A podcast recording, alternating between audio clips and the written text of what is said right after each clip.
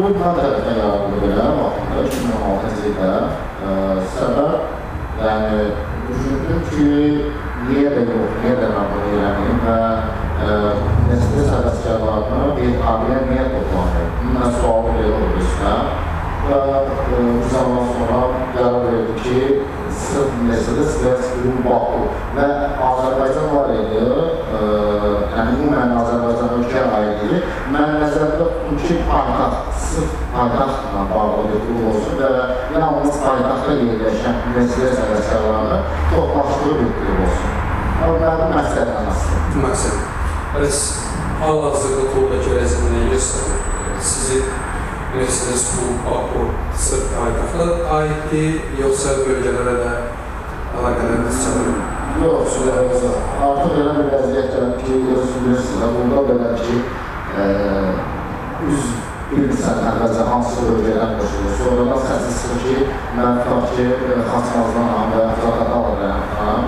Və mən də istəyirəm bu klubun olsun, olsun ki, klub Baku yazılır orada. Və klub üzünü üzməmək üçün, izitməmək üçün, yəni onlara da logolar göndərilir. Demək olar ki, bölgələrdən, Azərbaycan bölgələrindən hər yerindən qoşulan var.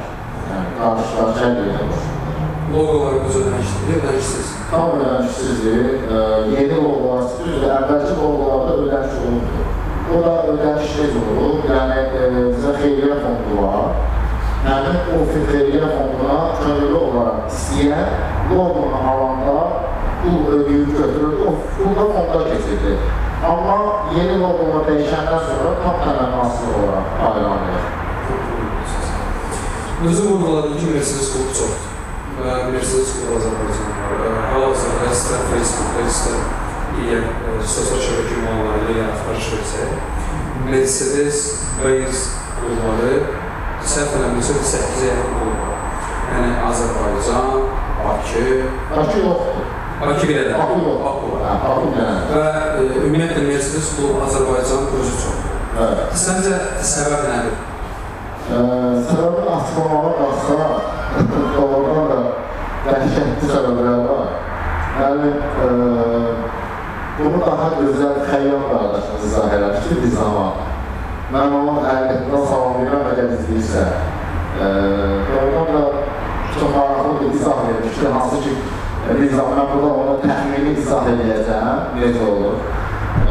Kluba hər hansısa bir üzv, üzv olur və heç bu üzv olanda həqiqətən də eynən xəyal qardaş danışığı kimi danışır.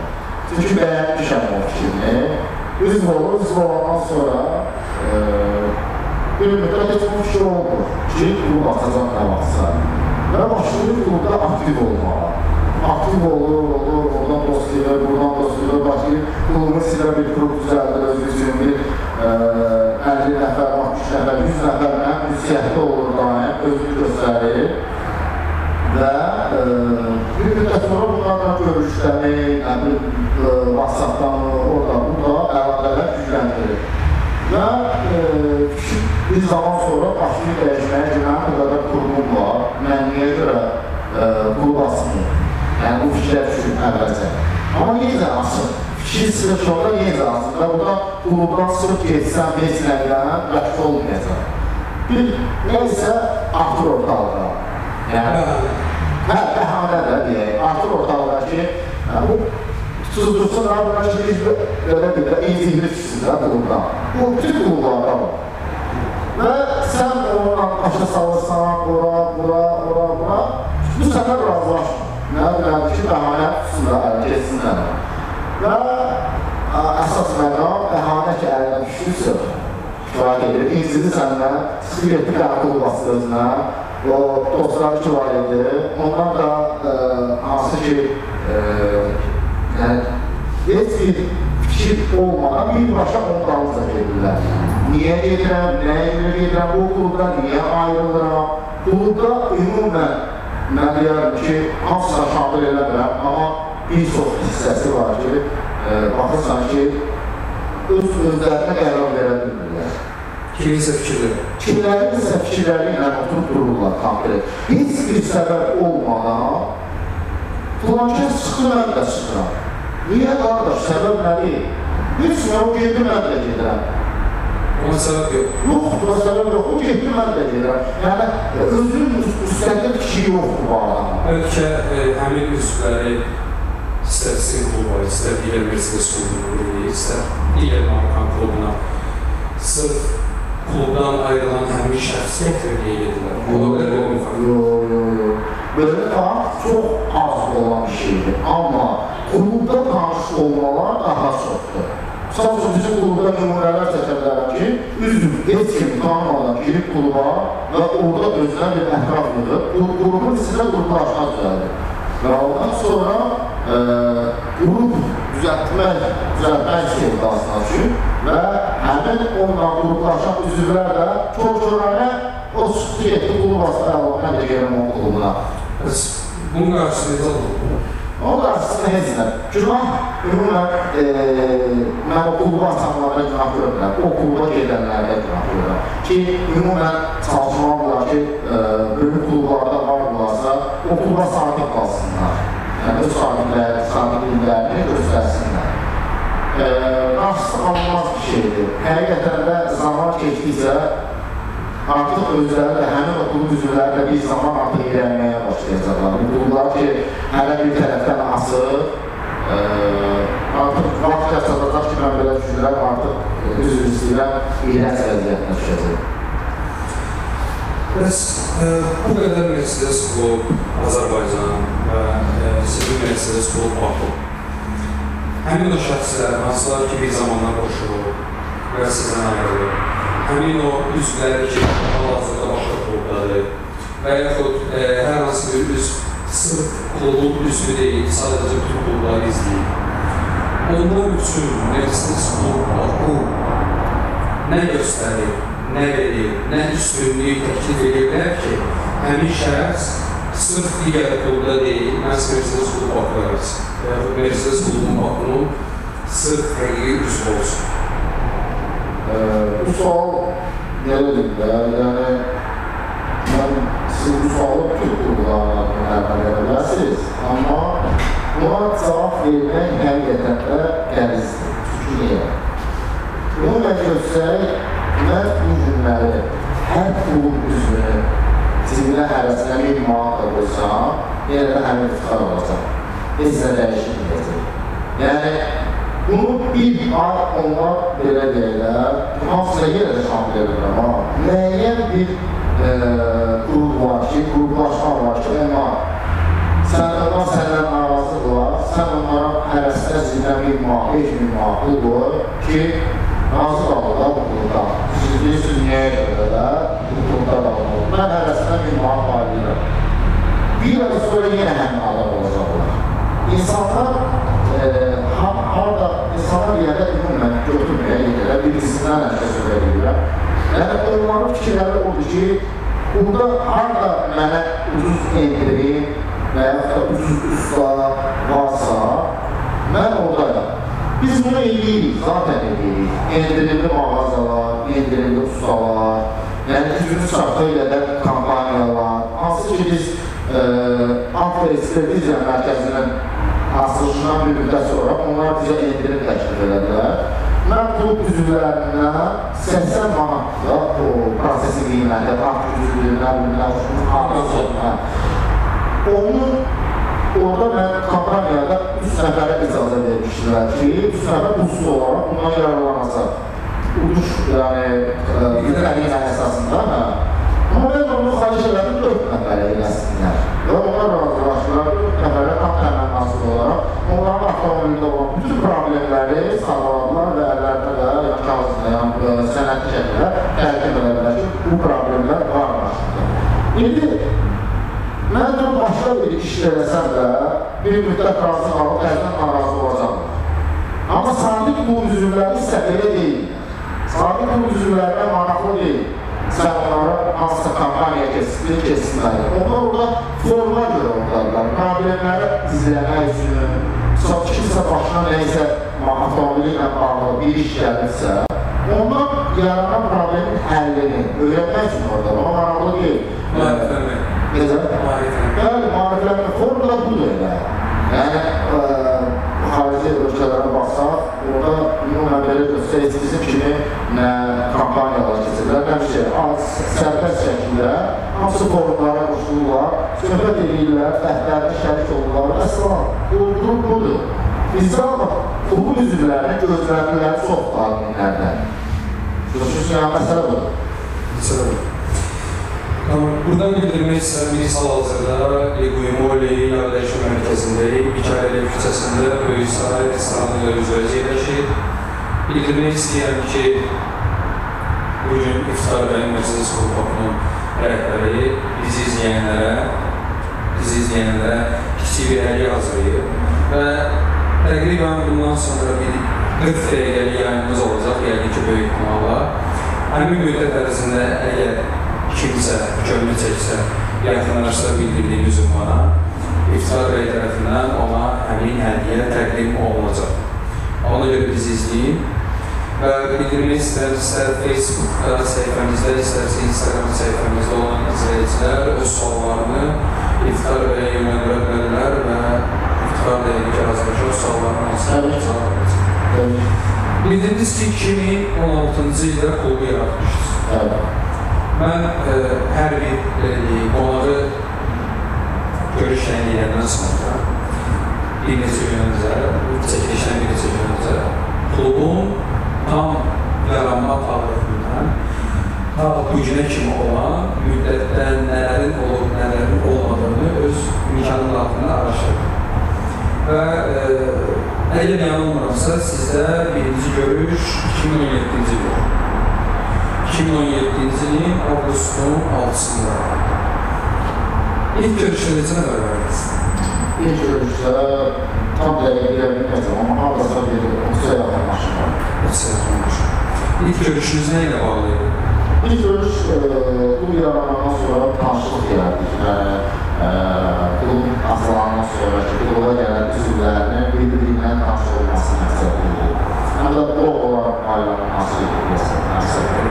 Mən e, izlədim və görüşlərin tarixləri ilə bu günə kimi səhvimizə 6 ya 7 dəfə görüş olub. Onların əksəriyyəti xeyriyyə məqsədidir. Xeyriyyə məqsədidir. Və mən təşəkkür edirəm o zamandan ki, bu dərəcədə xeyriyyə önəm verirsiniz bu çox gözəl haldır ki, xeyriyyə görüşlər olsun, ehtiyacı olan şəxslərə imkan daxilində bütün klublar, istər sizin klub, istər digər klubun üzvləri icra halına toplaşıb müəyyən bir yardım göstərə bilsinlər. Bu xeyriyyə görüşlərinə ümumiyyətlə maraq necədir? Nələrin sayı çoxdur? Təbii ki, bizim klub artıq bu missiya üzrə belə günlər formalaşır. Və e, hər ayda bir dəfə biz görüş təyin edəndə yəni çox yüksək səviyyədə qatılırlar. Düzdür, ola bilər yığılan məbləğ az olsun, amma qatılırlar. Kimin nəyi çatırsa, onun köməli edirlər. Və bizim ümumən klubun özünün görüşünün olmamağının e, və da gec-gec olmağının səbəblərindən də bir bu iki elə biz ayda bir dəfə bunun üçün görüşürük. Yəni görüşümüz olub klub üzvlərinə. Və şükür ki, bu günə qədər də kömək elədiyimiz insanlar həqiqətən də hardasa nəyisə nail olmuşdur onlara. Yəni, keçən dəfə bir uşağın bu geciydi, sağlamasına nail olmuş Allah'ın izniyle. İndi başqa bir uşaq var, o da uşaq bizi uşaqlar yenə də yığışıb davamlı olaraq köməkli eləyəcəyik. Ümumiyyətlə xeyri görüşü sırf sizin öz təşəbbüsünüzdür, yoxsa ə, klubda müəyyən müzakirə olunanda üzvləriniz, izləyiciləriniz vurğulayır. Çünki xeyriyyə, ümumiyyətlə görüşlərin çox xeyri məqsədlidir. Yəni bunu səbəbin maraqlı ki, sadəcə haradan yarandı bu fikir ki, xeyri görüşləri ilə? Biz ümumiyyətlə e, biz avtomobil sürücülərimizi bağlayan, bir-birimizə bağlayan dəyər avtomobil deyil əslində. Biz hamımız insanıq və bizim mərhəmətsiz var. Mən fikirləşdim ki, avtomobildən dolayı yığışırıq zaten bir yerə, birbirimizlə tanış olmaq istəyirik, yəni buna cəhd edirik. Və yenə də axı bir qrup var, burada yəni kütlələr var. Və bu kütlələrdən xeyir işlərə istifadə eləmək olar. Kütlə özü də buna maraqlıdır. Yəni, mən gördüm ki, bu iş xeyriyyə görüşdə biraz tədbiyici iliyə az oldu. Amma ikincide biraz yaxşı oldu, üçüncüdə daha yaxşı oldu. Belə gördüm ki, insanlar buna daha çox istəyir, maraq var. Və əvvəldə belə fikrim oldu. Yəni, sırf yəni, bizi birləşdirən əgər avtomobil olması birləşən. Yəni, bir olaq, iki nəsə yardım eləyək, bu da bizə qalan yaxşılıq olacaq. Yəni, onsuz da nə yaparsınız? Heç nə yaparsınız. Siz vurguladınız ki, xeyriyyə fondunuz var. Başqa fond var mı? Yox, başqa fond yoxdur. Xeyriyyə fondu deyəndə artıq o fond e, xeyriyyə üçün yox, artıq onu demək olar ki, mən e, tamamilə ləğv edəcəm o fondu. Sırf yəni, çünki e, xeyriyyə fondunda bəzən problemlər yaşanır nə barədə. Baxırsan ki, e, çox adam fikirləşir ki, e, daş klubda 23 min adam var. Yəni, hiç olarak bir manatdan da atırsa, 10 min adama 10 min manat yollar. Amma düşünmürlər ki, biz orada klub üzvləri özləri atanda 5 manat, 7 manat, 10 manat maksimum pul atırlar və görürsən ki, 30 manat, 40 manat pul yığılır. Yəni, ondan qısa olmasın, özləri gəlsinlər, şəxsən iştirak eləsinlər, şəxsən yesinlər şəffaf şəkildə işlə maraqlansınlar, proseslə maraqlansınlar, bu daha şəffaf demək üçün. Yəni ki, o biraz gizli qalır deyə mən narahat edir ki, şübhə doğrar kimdəsə nəsə. Bilirsiniz də, bu barəyə kimsə şeytan mütləq gəlir.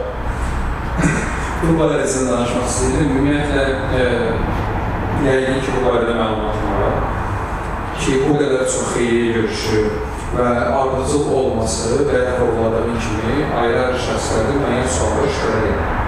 Və bu şübhələrin nəticəsi olaraq belə bir fikir formalaşmışdır ki, sırf siz iftixar olaraq, üniversitet klub haqqında xeyriyə məqsədli görüşlər edib, müəyyən məbləğlər toplayaraq, həmin məbləğin tam hamısını deyil, müəyyən bir hissəsini sırf xeyriyə göstərmək üçün sadəcə üzv üçün istifadə edirsiniz, amma yerinə qalan məbləğ sırf şəxsən sizin özünüzün hər hansı bir işinizə yanır. Yəni, məqsədiniz belə deyək, bu xeyriyyə adı altında müəyyən dərəcədə gəlir əldə etməkdir.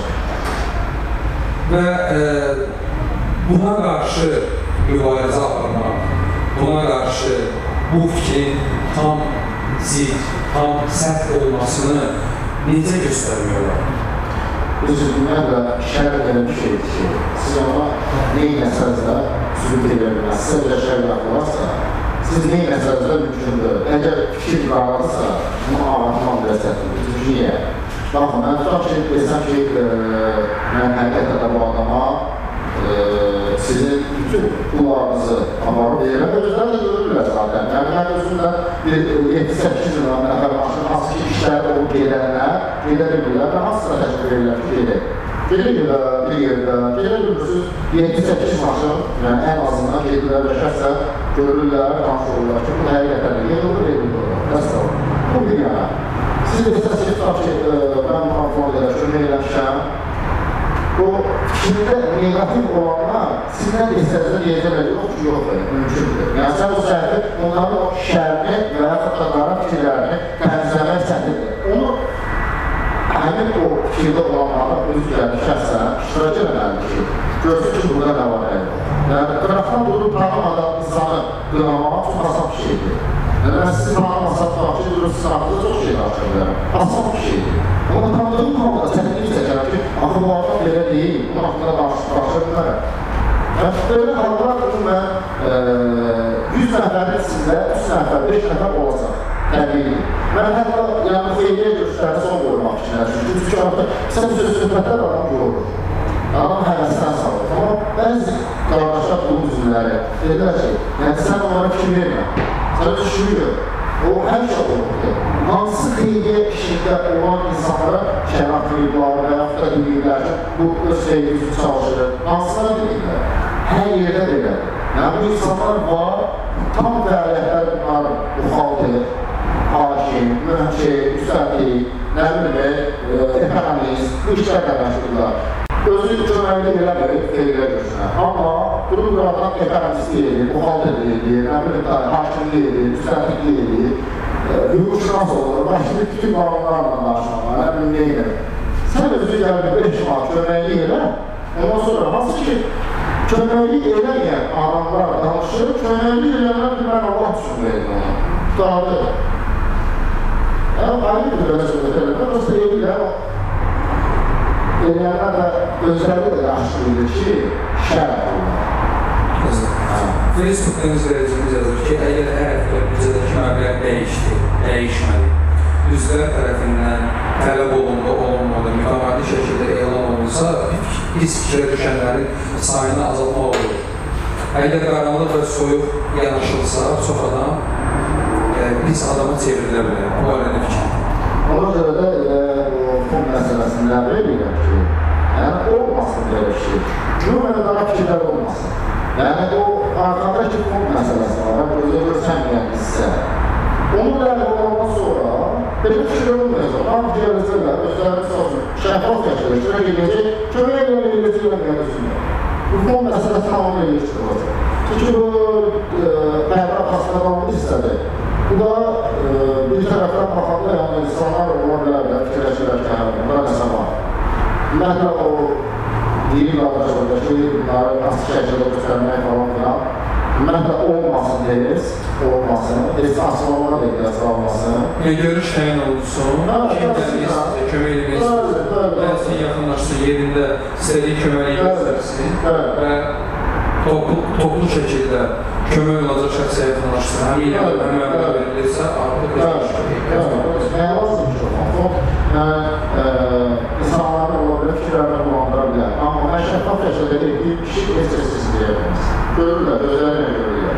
Ki, nə olur, nə keçir. Siz zəhil eləyəndən sonra bu qara fikirlər ortadan çıxacaq. İnan ki, onlar yenə də davam edəcəklər. Bir şey bu hazar var. Mümkün deyil təmiz.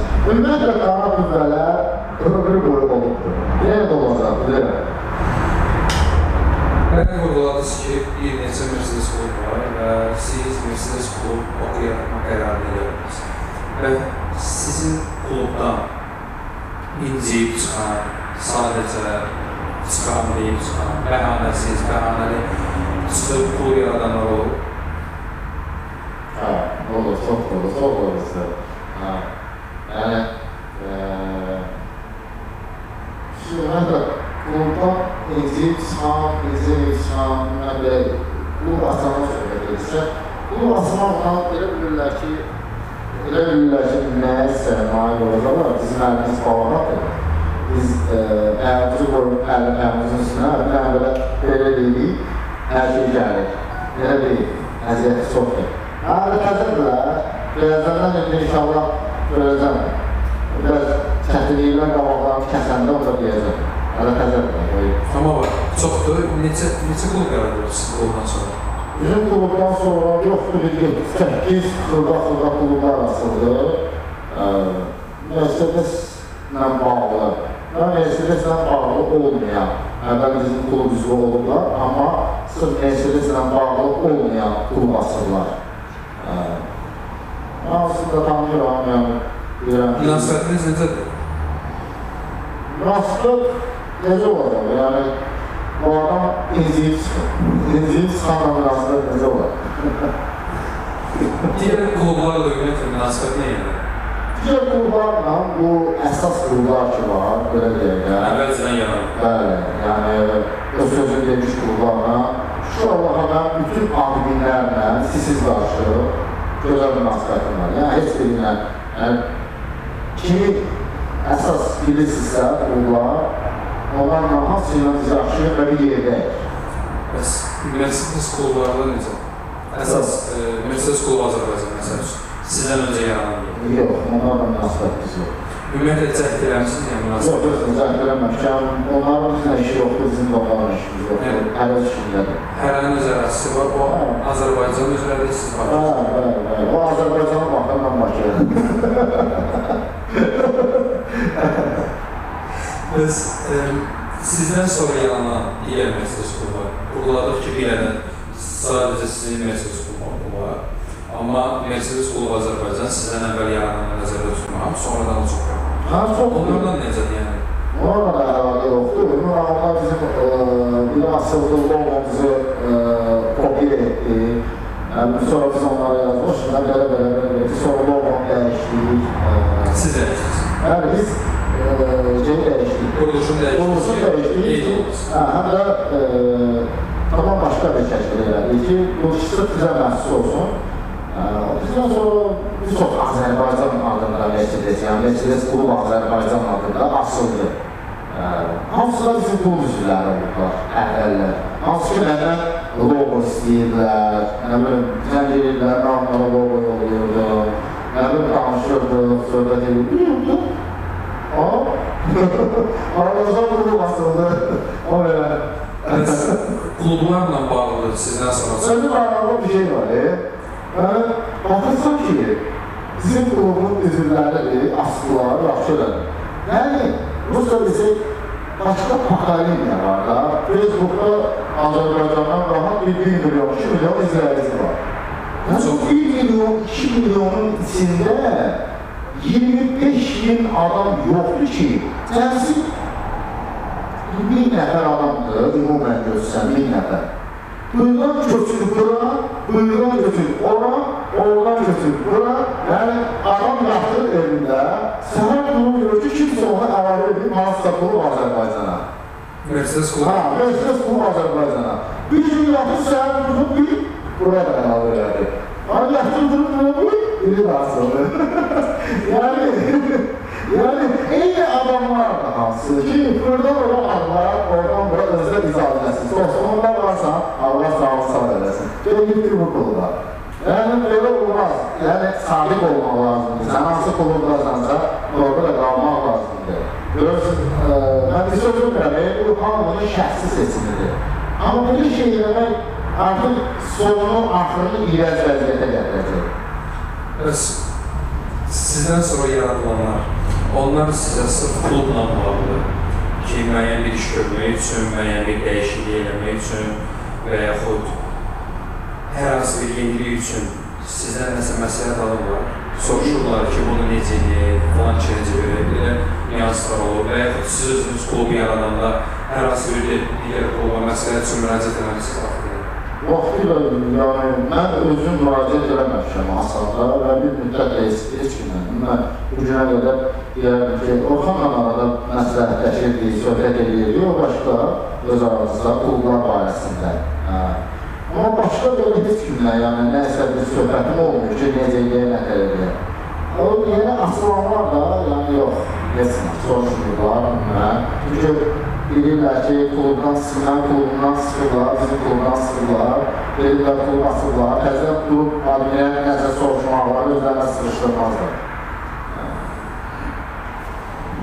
Üzərində sırışdır. Sizin sonuncu xeyri görüşünüz oktyabrın 7-sində oldu, səhvlənmirsə və ə, həmin görüş 11. Noyabrın 11. bu ayın 11. ayın Hə, bu ayın 11. axırıncı axırıncı görüş. Hə, Axırıncı görüş və Odyssey yanları ondan əvvəlki görüş sizdə 7-sində oldu. televiziyada, şəhərlərdə, Xəzər. Xəzər TV-də göstərildi. Effekt nə dərəcədə olur? Yəni yəni e, Xəzər TV-də işıqlandırılandan sonra sizin hansı sorğulanma, həmin sorğudan sonra müraciət edənlər, kluba qoşulanlar, sual verənlər, ümumiyyətlə xeyri məqsədli suallar olanlar, dəstək olanlar, təsir olunur. Təbii ki, oldu. Xəzər TV-dən sonra klubun üzvlərinin, yəni yeni gələnlər artım oldu. Və mən ümumən klubu indi artıq gizlində saxlamışam, bağlamışam klubu. Klub gizlindədir. Yəni kimsə istəsə axtarıb tapmaq, tapa bilmir.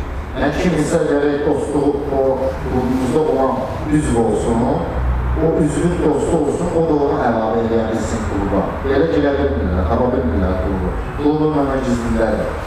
Klubda olmayan üzvlər girə bilmirlər, axtar tapa bilmirlər. Yəni üç cür seçim var: açıq, ağırlı və gizli. Sizdə ümumiyyətlə gizli. Sizdə ümumiyyətlə gizlidir, tam gizlidir.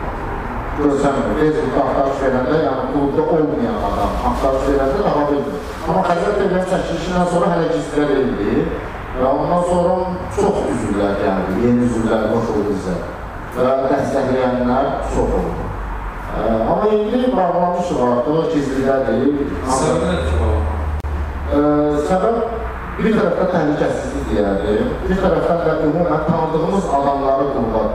Yəni, bax siz bizim klubun üzvüsünüz, siz tanıyırıq, siz, sizin dəvətinizlə gələn üzvlər olanda qəbul edir və mən buradan demək istəyirəm, ümumən kluba yeni, e, yeni açılmış profillər qəbul olunur.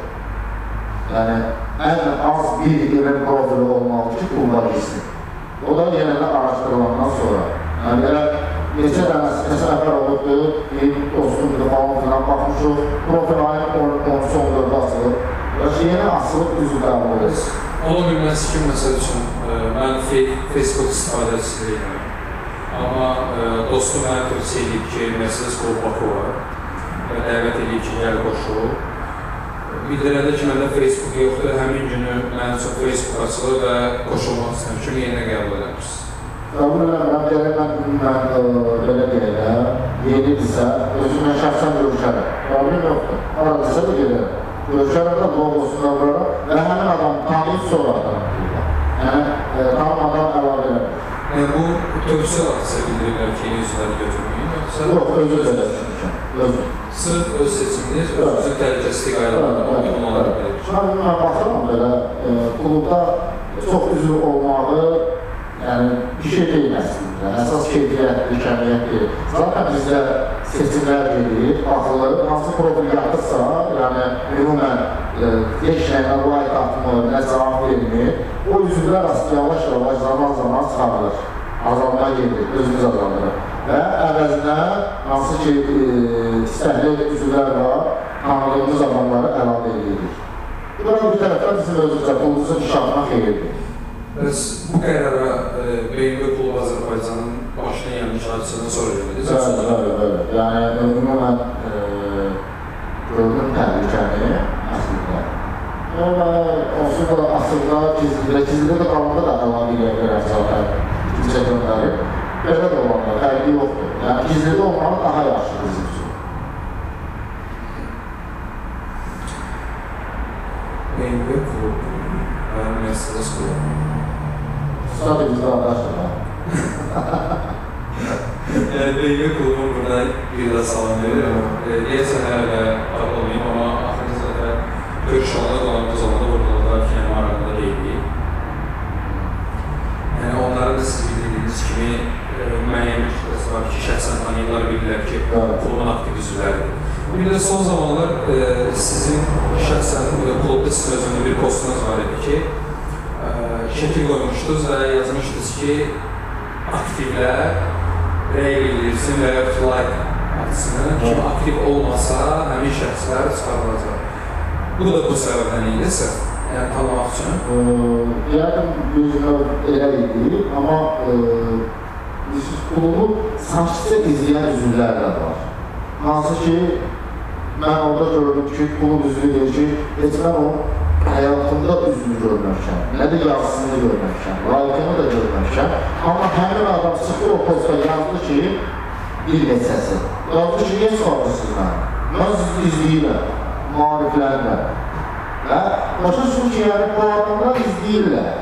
Yəni sırf onlardan söhbət getmir ha. Küllədə izləyənlər var, sakitcə.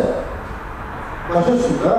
Ondan sonra yəni araşdıraraq çıxartmağa nəzər alır ki, baxaq görə vəziyyət. Ümumən hamını çıxartmaq olmaz. Adamlar var, bu üzvlər var ki, izləyirlər. Onlara xoş izləmək. Öz təsir edir ki, mən niyə çıxarırsan? Nə olsun ki, mən aktiv deyirəm deyir. Nə olsun ki, like qoymuram, nə olsun ki, komment yazmıram, amma mənə sizin qol lazımdır ki, mən özüm çıxarım. Belələri var. Çox gözəl.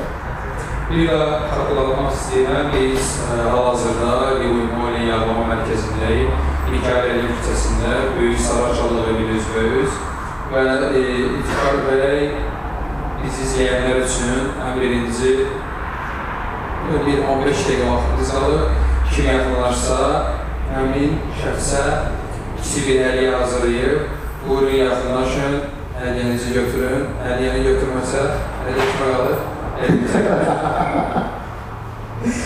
Ülkə kimi olan xeyriyyədən başqa, olan tədbirləriniz, gördüyünüz işlər, klub üçün, Mercedes, Benz sürücüləri üçün nələr olur? Nələrə çalışmısınız? Nələrə nail olmuşsunuz? Nələr istəmişsiniz, nail alınmayıb? Bununla çalışmamız bu üzvlərinin xeyrinədir. Yəni, bazarlarımız qədər çalışırıq ki, onlara xeyir olsun və e, buna, necə deyim, ən birinci elmləsinlər. Elmləsinlər və maarifləsinlər. Bilmədiklərini buradan öyrəsinlər. Gücümüz saxlaya gələr, başqa yerlərdən də olsa, məlumatlar toplayıb onlara yəni, çatdırır ki, bilmədiklərinə nail olsunlar. Ən azından baxırsan ki, e, yeni avtomobil alındı, amma hansısa bir sadə bir gülməni bilmir. Bəzi bu üzvlərinə o gülməli gəlir. Ki, niyə? Bilmir o, yargılamalı deyil, onu öyrətmək lazımdır. Başqa ki, bu düymə budur. Və e, ən birinci budur ki, maariflənməyi üçün çalışırıq. İkinci növbədə düzünü saxta gələr, e, sahibkarlarla aşıq onlar üçün endirlər. Yəni, e, aldığı məhsulu daha ucuz alsın və keyfiyyətli yerlərdən alsın. Hansı ki, gedib aldanmasınlar. Bu özü önəmli məsələdir. Yəni, klub üzvləri bir çox yerlərdə aldanırlar və baha qiymət alırlar. Keyfiyyət yox, baha qiymətə. Amma biz çalışırıq ki, keyfiyyət və biraz da ucuz. Yəni, buna nail olması. Bəs e, həmin nöqtələri, satış nöqtələri onları necə seçirsiniz? Yəni, e, haradan bilirsiniz ki, sırf özünüz baxmadan deyək, istifadə eləmədən bilirsiniz ki, tamam, əlinin dükanında olan məhsul keyfiyyətlidir, amma vəlinin dükanında olan məhsul əli ilə müqayisədə keyfiyyətsizdir. Bu qərara necə gəlirsiniz? Biz bunu ümumiyyətlə e, aid eləmək doğrudan da çətin məsələdir əslində. Amma e, deyək ki, hər hansısa bir yerdən təklif gəlir ki, mən sizin klub üzvlərinə endirimlə məhsul sata bilərəm. Sonra bizə orijinal və qeyri-orijinallar göstərir. Yəni, burada məsələ nədir? Bax ki, həm klub üzvünə, bizim klub üzvünə hər hansısa bir qeyri-orijinal malı satsa və o klub üzvü bir dəfə, iki dəfə, üç dəfə şikayət yazır ki, bu adam bizə qeyri-orijinal mal satır. Bizə kifayət edirlər ki, o adamdan əlaqələr kəsək. Çünki niyə? O özü də öz iranını getməkdə maraqlıdır. O istəməz ki, qrup üzvünə, qrup yəni qrup ciddi bir məsələdir. Həqiqətən də bir qrup üzvü gələn orada desə ki, ki, Quran mağazadan alınan məhsul yaxşı deyil, araşdırılır, həqiqətən də o dediyi düzdürsə, o onun ziyanınadır. O da istəməz ki, qrup, qrup üzvünə yəni, qeyri-orijinal mal satsın. Çox bəsit bir məsələdir. Həqiqətən, yəni kim istəyər ki, mən mal satıram, mən qrupla işləyirəm, qrup mənə gəlib mal alır, mən götürüb qrupa qeyri-orijinal mal verir, o da mənim hissəsin. Və bu onun öz yanına daxil, o çalışacaq ki, yaxşı versin bu qrupdur. Yəni, bir media kimi, cəmiyyət kimi, bunlar bir-birləri dəstəkləyirlər, bir yerdə o söhbət edirlər. Mənim məhsulum çıxacaq qrupa birbaşa, neçə min nəfər üzü görəcək ki, bu yaxşı maldır. Sonra buna bəsdir. Bunu ardıcıl olaraq etməlidir ki, bu, yəni, həm müştəri buna razı olsun və işi davamiyyətli olsun. Bu kifayət edir, əsr edir. Bəs e, bəzən elə hallar olur ki, həqiqətən e, dükan keyfiyyətli mal təklif edir, amma e, həmin malı belə deyək, usta tərəfindən dəyişilən zaman nə nöqsanlar olur. Bu nöqsanlar həmin malın e, keyfiyyətini zədələyir və normal effekt verir.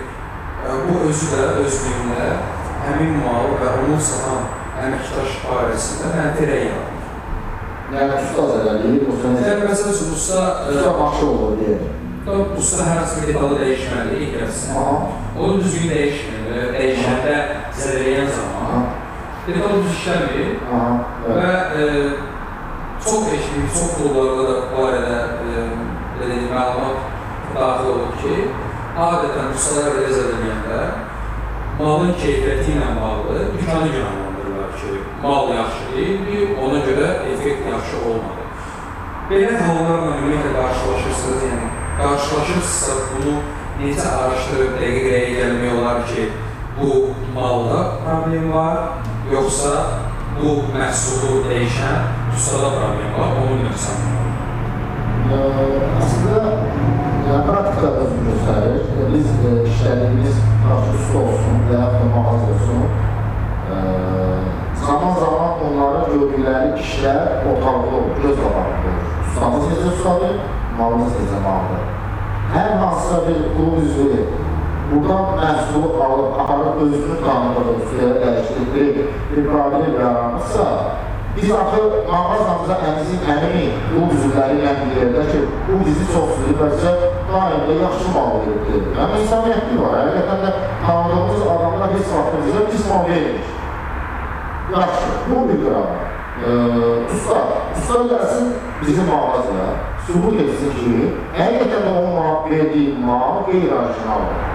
Biz ona orijinal və qeyri-orijinal da göstəririk. Tutaq ki, nakladda olsun, fərq eləməz. Nakladdaların da yaxşı və pisi var. Ekstarın özünün yaxşı pisi var, olsun ekstarın. Və e, usta əgər onun qeyri-orijinalını sübut etsə, problem yoxdur, məsələ həll olur. Usta da olur, usta sübut edə bilər. Əlində e, əsas var ki, göstərə bilər və danışa bilər elmi tərəfini ki, bu həqiqətən də bu mal keyfiyyətsizdir, sən buna keyfiyyətsiz mal verirsən. Yəni, problem malda, sübut etsin. Sübut edəsən, bəli. Bəs e, sübut edəndən sonra necə olur? Sübut Yəni, edəndən sonra malını yerə duracaqlar. yəni mağazin, belə dükan öz malına cavab verir, dəyişir e, nəyin üsyanı zərər vermir. Buradan e, yeni qoşulan izləyiciləri salamlayıram və e, üzümüzün biri, izləyicimizin biri yazıb şəhərlər bəlkə bu qardaş Opel klubda Mercedes kluba nisbətən nəyi mənfi görür və nəyi nisbət görür. Yəni Opel klubda nə olsa yaxşı olardı, nəsə bir çatışmazlıq görürmü? Məsələn, özü Opel klubda admin olsaydı, indiki adminlərdən fərqli nə edə bilər? Hələ, e, vallahi deyirəm, yəni, sizin, sizi tanıdığıma görə yox, ümumən deyirəm, sizin e, gördüyünüz işlər tədbirə layiqdir. Yəni, çox çalışırsınız, çox vuruşursunuz. Ümumiyyətlə, e, belə adminlərin gərək qulub üzvləri qədəriniz açıq şəkildə deyirəm. Mən özümdə əziyyət çəkirəm. Düzdür, klubu çox da izləmirəm. Yəni, vaxtım olmur. Öz klubuma ağzam vaxt ayıra bilirəm, sonra çatdıra bilmirəm. Amma yəni sizin kluba arada vaxtım olanda girib baxıram. Negativ hal yoxdur. Şükür Allaha, hər şey səliqəli səma yerində. Və klub adminləriniz də şükür Allaha ki, yəni bir çox adminlərdən də yaxşıdır və ə, yəni möhkəm saxlayırlarınız da. Əsas Orxan. Əsas Orxan. Hə. Ümumiyyətlə klubda ə, maşınların modelləri, yəni belə seriyalarla, illərinə görə nə vəziyyətdə? Bizdə. Bəli, sizdə. Bizdə yəni mən yəni 70 keçədən yəni maşınlar var. 70 bilmirəm amma köhnə var, köhnə modellər var, amma yaxşı vəziyyətdə. Ta 2017-18-ci illərə qədər maşınlar var, fərqli-fərqli vəziyyətdə. Var, pis var, nə bilim. Elə elə. Nə baxılmışı baxılmamışı. Hə, qarışıqdır. Çox qarışıq. Sizin klub kartınız yoxdur. Yox. Amma əməkdaşlarınız var. Əməkdaşlara yaxınlaşan üz Mercedes klub Bakıdan gəldiyini sadəcə logo ilə bildirir. Və logo kifayət edir ki, logo kifayət edir ki, həmin əməkdaş gələn klub üzvünə endirmə eləsin. Düzdür, açığı məndən onu tələb. Ee, hansı ki sahibkarlar ki var, klubda öz endirimləri falan filan edirlər. Onlar məndən tələb edirlər. Deyirlər ki, yəni mən nə qədər əmin ola bilərəm ki, tutaq ki, autoqaz, APK, e, belə sıravi insanlara 1590 manata və yaxud da 1390 manata gördüyü işi bunun üzvünə 90 manat endirmə 1300 manata görülür. Yəni 90 manat aslında deyil əslində. Bizim mən o gəlir bura, nə logo var, mən bir şey deyil, Mercedes klubdan gəlmişəm. Mən hardan bilim o, niyə görə 90 manat ona endirim eləməliyəm? Yəni, bu sual mənə verir və tələb edir ki, ən azından soxsa kart olsun ki, biz bilək ki, klubun üzvüdür, üzvlük kartı. Endirim kartı qoyduq bir qərarı, üzvlük kartı. Ki, bu üzvdə həqiqətən sən buna verirsən bu kartı və klubun üzvüdür. Bilirsiniz, ümumiyyətlə bu kart məsələsində biraz e, fikirlər qarşı elə zənn edirlər ki, e, biznes özünə, böyük bir obyekt açacaq və maşını dəyişmək istəyir. Ona görə kart satmaq istəyir zamana. Bu barədə fikriniz var mı? Kart Əslində təkliflər, təkliflər çox olsa məcbur eləsələr, artıq məcburən eləməliyəm. Yox ki, fərq etməz də hansı sahibkar. Artıq 4-5 dənə sahibkar var ki, tələb edir. Mənə deyirəm ki, belə yola eləyəm. Mənə deyirəm ki, sən belə edilməyir. Niyə? Səbəb nədir? Yəni, mən bilirəm axı sən. Məcbur olsam görə edir. Variant yoxdur. Yəni, maşını da dəyişir. 2019-cu ildə Mercedes Klub Bakıdan üzvlük kartı gözlənilir. Kartı necə planlaşdırırız? Yəni, e, illik olacaq? Təbii ki, illik. O istəyir dünyanın qarşısında olaraq plastik kartlar bilmiyor. Yəni, baxdan alırsan hesab kartı da bilmiyor. Hamısı bilmiyor. Elə illik. Ha, bilmiyor. Bəs məbləğ Olsun da o, sən çox üzsün, hə? Biz bax o taş karta verdiyi məbləğ var, ha, aldı. Gəldi, misal buradan yağ almağa. Buradan yağ alanda, bundan bir dənə indirim, Orisindən indirim. O bunu birinci gəlişində çıxardacaq. Birinci gəlişində çəkili xərci çıxardıb, bir il bu adam, onsuz da o verdiyi, karta verdiyi üstə şəhriyə görə, yəni bunu o. Zaten çıxardır. Bu insanların gözündə Bizim nə böyüyür? Böyüyən olur ki, tıxar olmasın, e? Ümumən başqa abinlər də olsun, fərq eləmən. Mən bu, nə bilim, özmən, biz əsasına istəyir, yəni, ona görə də almaq istəmirlər ki, tıxar belə qalmağa gedə, esmasına ilə hasil etmək, ona görə. Yoxsa onlar da istəyərlər ki, qahralı olsun, gəlsinə yendirilmən, yəni, belə canla başlasın. İnşallah. İnşallah Escalası da sürərsən. İnşallah. Yəni, qulun muhabiri Torres lazım. Bəs e, inşallah 2019-a kartı fikirləşirsiniz. Məbləğ necə var olacaq bir kart üçün? Yəni bir mən e, Mercedes Bakıya üzv olmaq istəyirəm. Bunun üçün məndən nə tələb olmalı?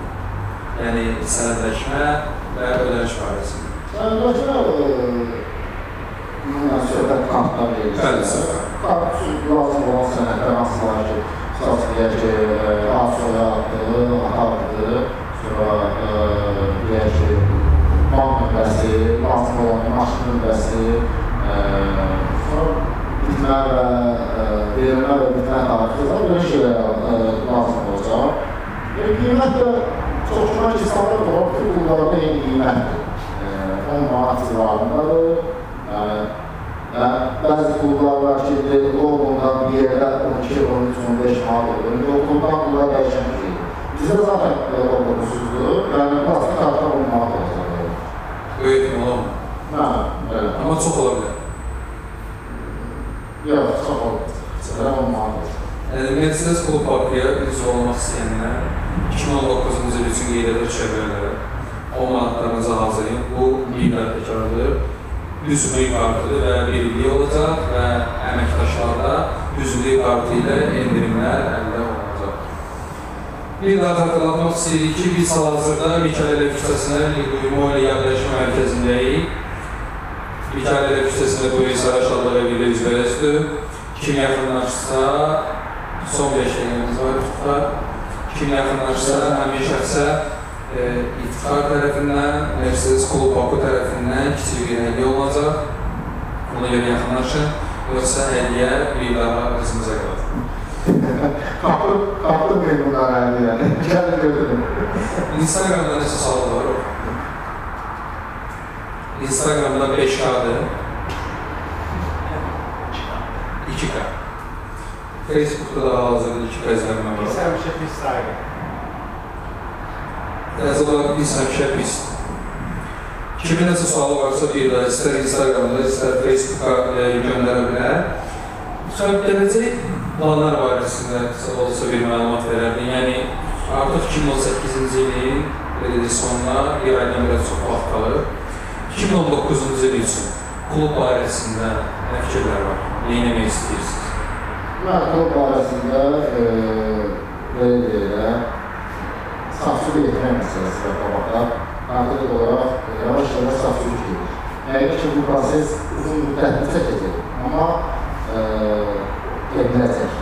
Safçılıq, yəni bəyək vurğuladığın aktiv olmayan Aktiv olmayan, nə bilim, üzv, belə bir üzvlər var ki, var ki, e, heç nə yazmır, heç nə fikir söyləmir. Ümumən, bax, biri dərdə paylaşır orada, bir dəfə yazmır ki, qardaş, sadəcə filan suya və yaxud da ki, filan şeylər ola bilər. Bunu yazmır. Fikir Öz- Fikir bildirir. Özü amma paylaşanda deyirlər orada yazdım və heç kim cavab vermir. Qardaş, sən bir qoşu cavabda Cavabla qalmamış, dərdinə şərik ol ki, sabah sənə də dərdinə şərik olsunlar. Sən tamam olar, sən sırsan, sırsan, yazırsan, bu yüzden işini yazmalı, eskili etdi. Yəni, burada qrup deyəndə nə nəzərdə? Bir ailə kimi. Yəni, e, dostlaşma, mehriban olmaq, bir-birinə daim müsiyyətdə olmaq, çalışmaq lazımdır ki, e, bir-birinizi kömək edəsiniz. Belə üzvlər var ki, hansı ki, heç nə yazmır, ümumiyyətlə eləmir. Bir görürsən, adın haqqında nəsə danışırlar, söz çıx orada fikir yaz.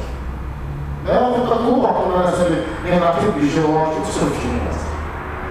Sənin xeyrə, yəni xeyir işlərdə, xeyir işlərdə xeyriyyə gözünü tuturam. Mənə Müsbət nəticəli işlər. işlərdə heç vaxt dəstək olmaz, amma sənin haqqında olmayan bir şey haqqında danışanda çıxır qafalı baltalayır.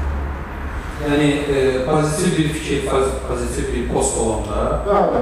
yəni like də eləməz, fikir də bildirməz, dəstəkləməz, tam sükut. Amma neqativ bir hal olan kimi dərhal öz fikrini bildirər və dərd açır. Yəni belə üzvləri də yavaş-yavaş buradan çıxarır. Yəni Çıxartmaq istəyirsiniz, yoxsa çıxarırsınız? Yəni mən belə başa düşdüm ki, 2019-cu ildə siz tam pozitiv fikirli, tam Tam yox, yəni mənada və tam e, aktiv olan üzvlərlə Bəli, keçirsiniz. bəli. Belə istəyik, elə inşallah ki, alınacaq bizə. Ə, Gələcək onlar da ki, yenə də deyirəm, əsasından başlamışdır. Və gələcəkdə də qulluq və görüşün nəzərdə tutulur. Görüş gözlənilir, inşallah onunla bir müzakirələr. Ə, Və hələ ki, biz ümumiyyətlə fikir bildirəcəyik və onu həyata keçirirsin. Hələ ki, belə bir fikir yoxdur. Gələcək plan. Yəni, stabil olaraq. Standart Stabil, görüş. stabil olarak gedirik. Stabil olarak tamamlayan gedirik. Ama Böyük görüş deyilən nə nəzər klubun da görüşü, dəfəyə görüşü, Yox, klubun da klubun görüşü. Ha, Yəni böyük sadəcə festival, ha, böyük festival festival, ha, festival. festival, ha. İnşallah. Xeyr Hüseyin, Allah biz də avtoklub olaraq avtoklubu qoyuram qırağa, yəni bir qardaş, Həmkar yoldaş, olaraq. yoldaş, həmkar olaraq. Daim yanınızdayıq. Sağ ol, kolay İxtisarçısında zəhmət olmasa, ümumiyyətlə sürücülərə, ümumiyyətlə Mercedes-Benz sürücülərinə və Mercedes-Benz klub bakımın üzvlərinə son sözü nə olar? O zaman ne olacak arkadaşlar? Ee, Çalışan ben e, klubda da mehran olan birbirimizle yani hiç şeyden birbirimizin derdine değmeyin. Ee, Hakimləri də, bu rəhbərləri də anlamağa çalışın, anlayışlı davranın. Bizim proqram yükümüz çoxdur. Təsəvvür edin, siz çoxsuz biz təkik. Çatdırıb hamımıza cavab yer olur. Sadəcə mesaj verir, yazırsınız. Elə olur, mən iki gündən sonra cavab görürəm ki, kimsə yazır, mənə cavab yazıram. ha. Yəni, Bəzən inciklik olur ki, sayılmazlıq eləyir. Yox, elə deyil əslində. Həqiqətən də mənim klub üzvlərinə böyük hörmətim var, hansı ki, mənə qarşı hörmətlidirlər. Ee, Və çalışıram ki, çalışsınlar ki, daha doğrusu klubda mehman olsunlar, bir-birlərinə kömək eləsinlər, dost olsunlar, qardaş olsunlar. İnşallah biz də bu e, rəhbərlər olaraq əlimizdən gələn nə gəlirsə, onlar üçün yeniliklər edəcəyik. Ee, Və yollarda da ehtiyatlı olsunlar. Qarşı şeyi də anlayır.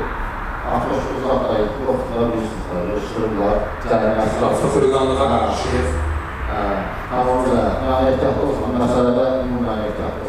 Avtokluba qarşı fikriniz və Avtoklub həqiqətən də gözəl layihədir. Bəyənirəm, dəstəkləyirəm və izləyirəm özüm də. Çox gözəl və bu işdə sizə daim uğurlar arzulayıram. Daha da ucalasınız. Yəni, qardaş, həmişə uğur olsun. Mən bir təşəkkür edirəm. Çox sağ ol ki, bugün vaxt ayırdın, gəldin, qonağımız oldun.